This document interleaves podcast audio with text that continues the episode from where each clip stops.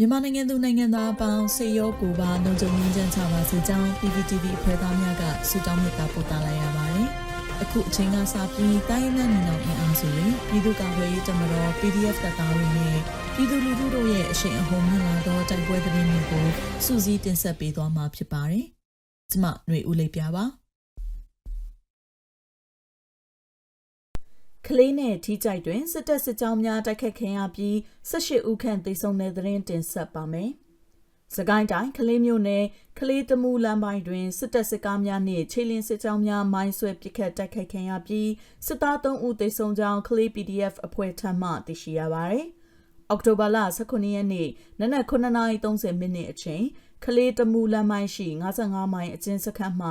စစ်ကားနှစ်စီးနှင့်ခြေလျင်စစ်ကြောင်းတို့ကန်လှရွာမြောက်ဖက်တရာအနီးသို့ရောက်ရှိလာစဉ်ပြည်သူ့ကာကွယ်ရေးတပ်ဖွဲ့များကပြစ်ခတ်တိုက်ခိုက်ခဲ့ပြီးမိနစ်20ခန့်တိုက်ပွဲဖြစ်ပွားခဲ့တာပါအောက်တိုဘာလ18ရက်နေ့နနက်10:00နာရီခန့်တွင်မြလေးတောင်ဖျားအနီးတွင်အကြမ်းဖက်စစ်တပ်ခြေလျင်စစ်ကြောင်းထပ်မံမိုင်းဆွဲတိုက်ခိုက်ခဲ့ကြောင်းစစ်သား3ဦးသေဆုံးခဲ့ကြောင်းသတင်းရရှိပါသည်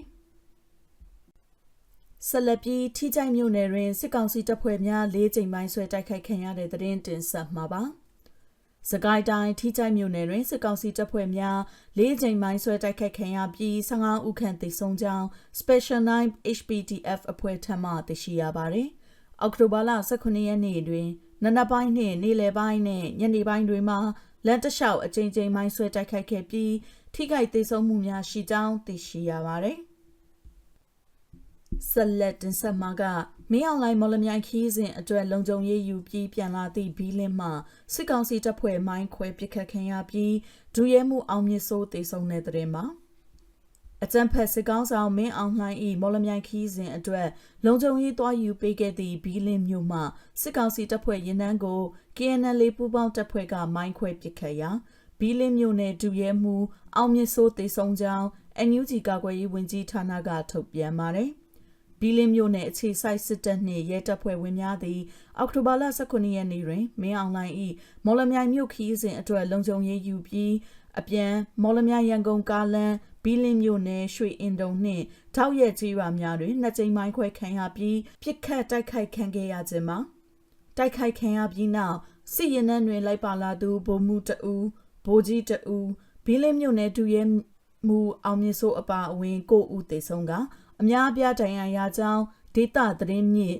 Selwing Press ကဖော်ပြထားပါတယ်။နောက်ဆုံးအနေနဲ့မြဝတီဝေါ်လီကားလန်ညောင်ချောင်းတွင်စစ်ကောင်စီ၏တပ်မ44မှဗျူဟာမှုတအူစနိုက်ပါဖြင့်ပစ်ခတ်ခံရပြီးတေဆုံးတဲ့တဲ့တင်ဆက်မှာပါ။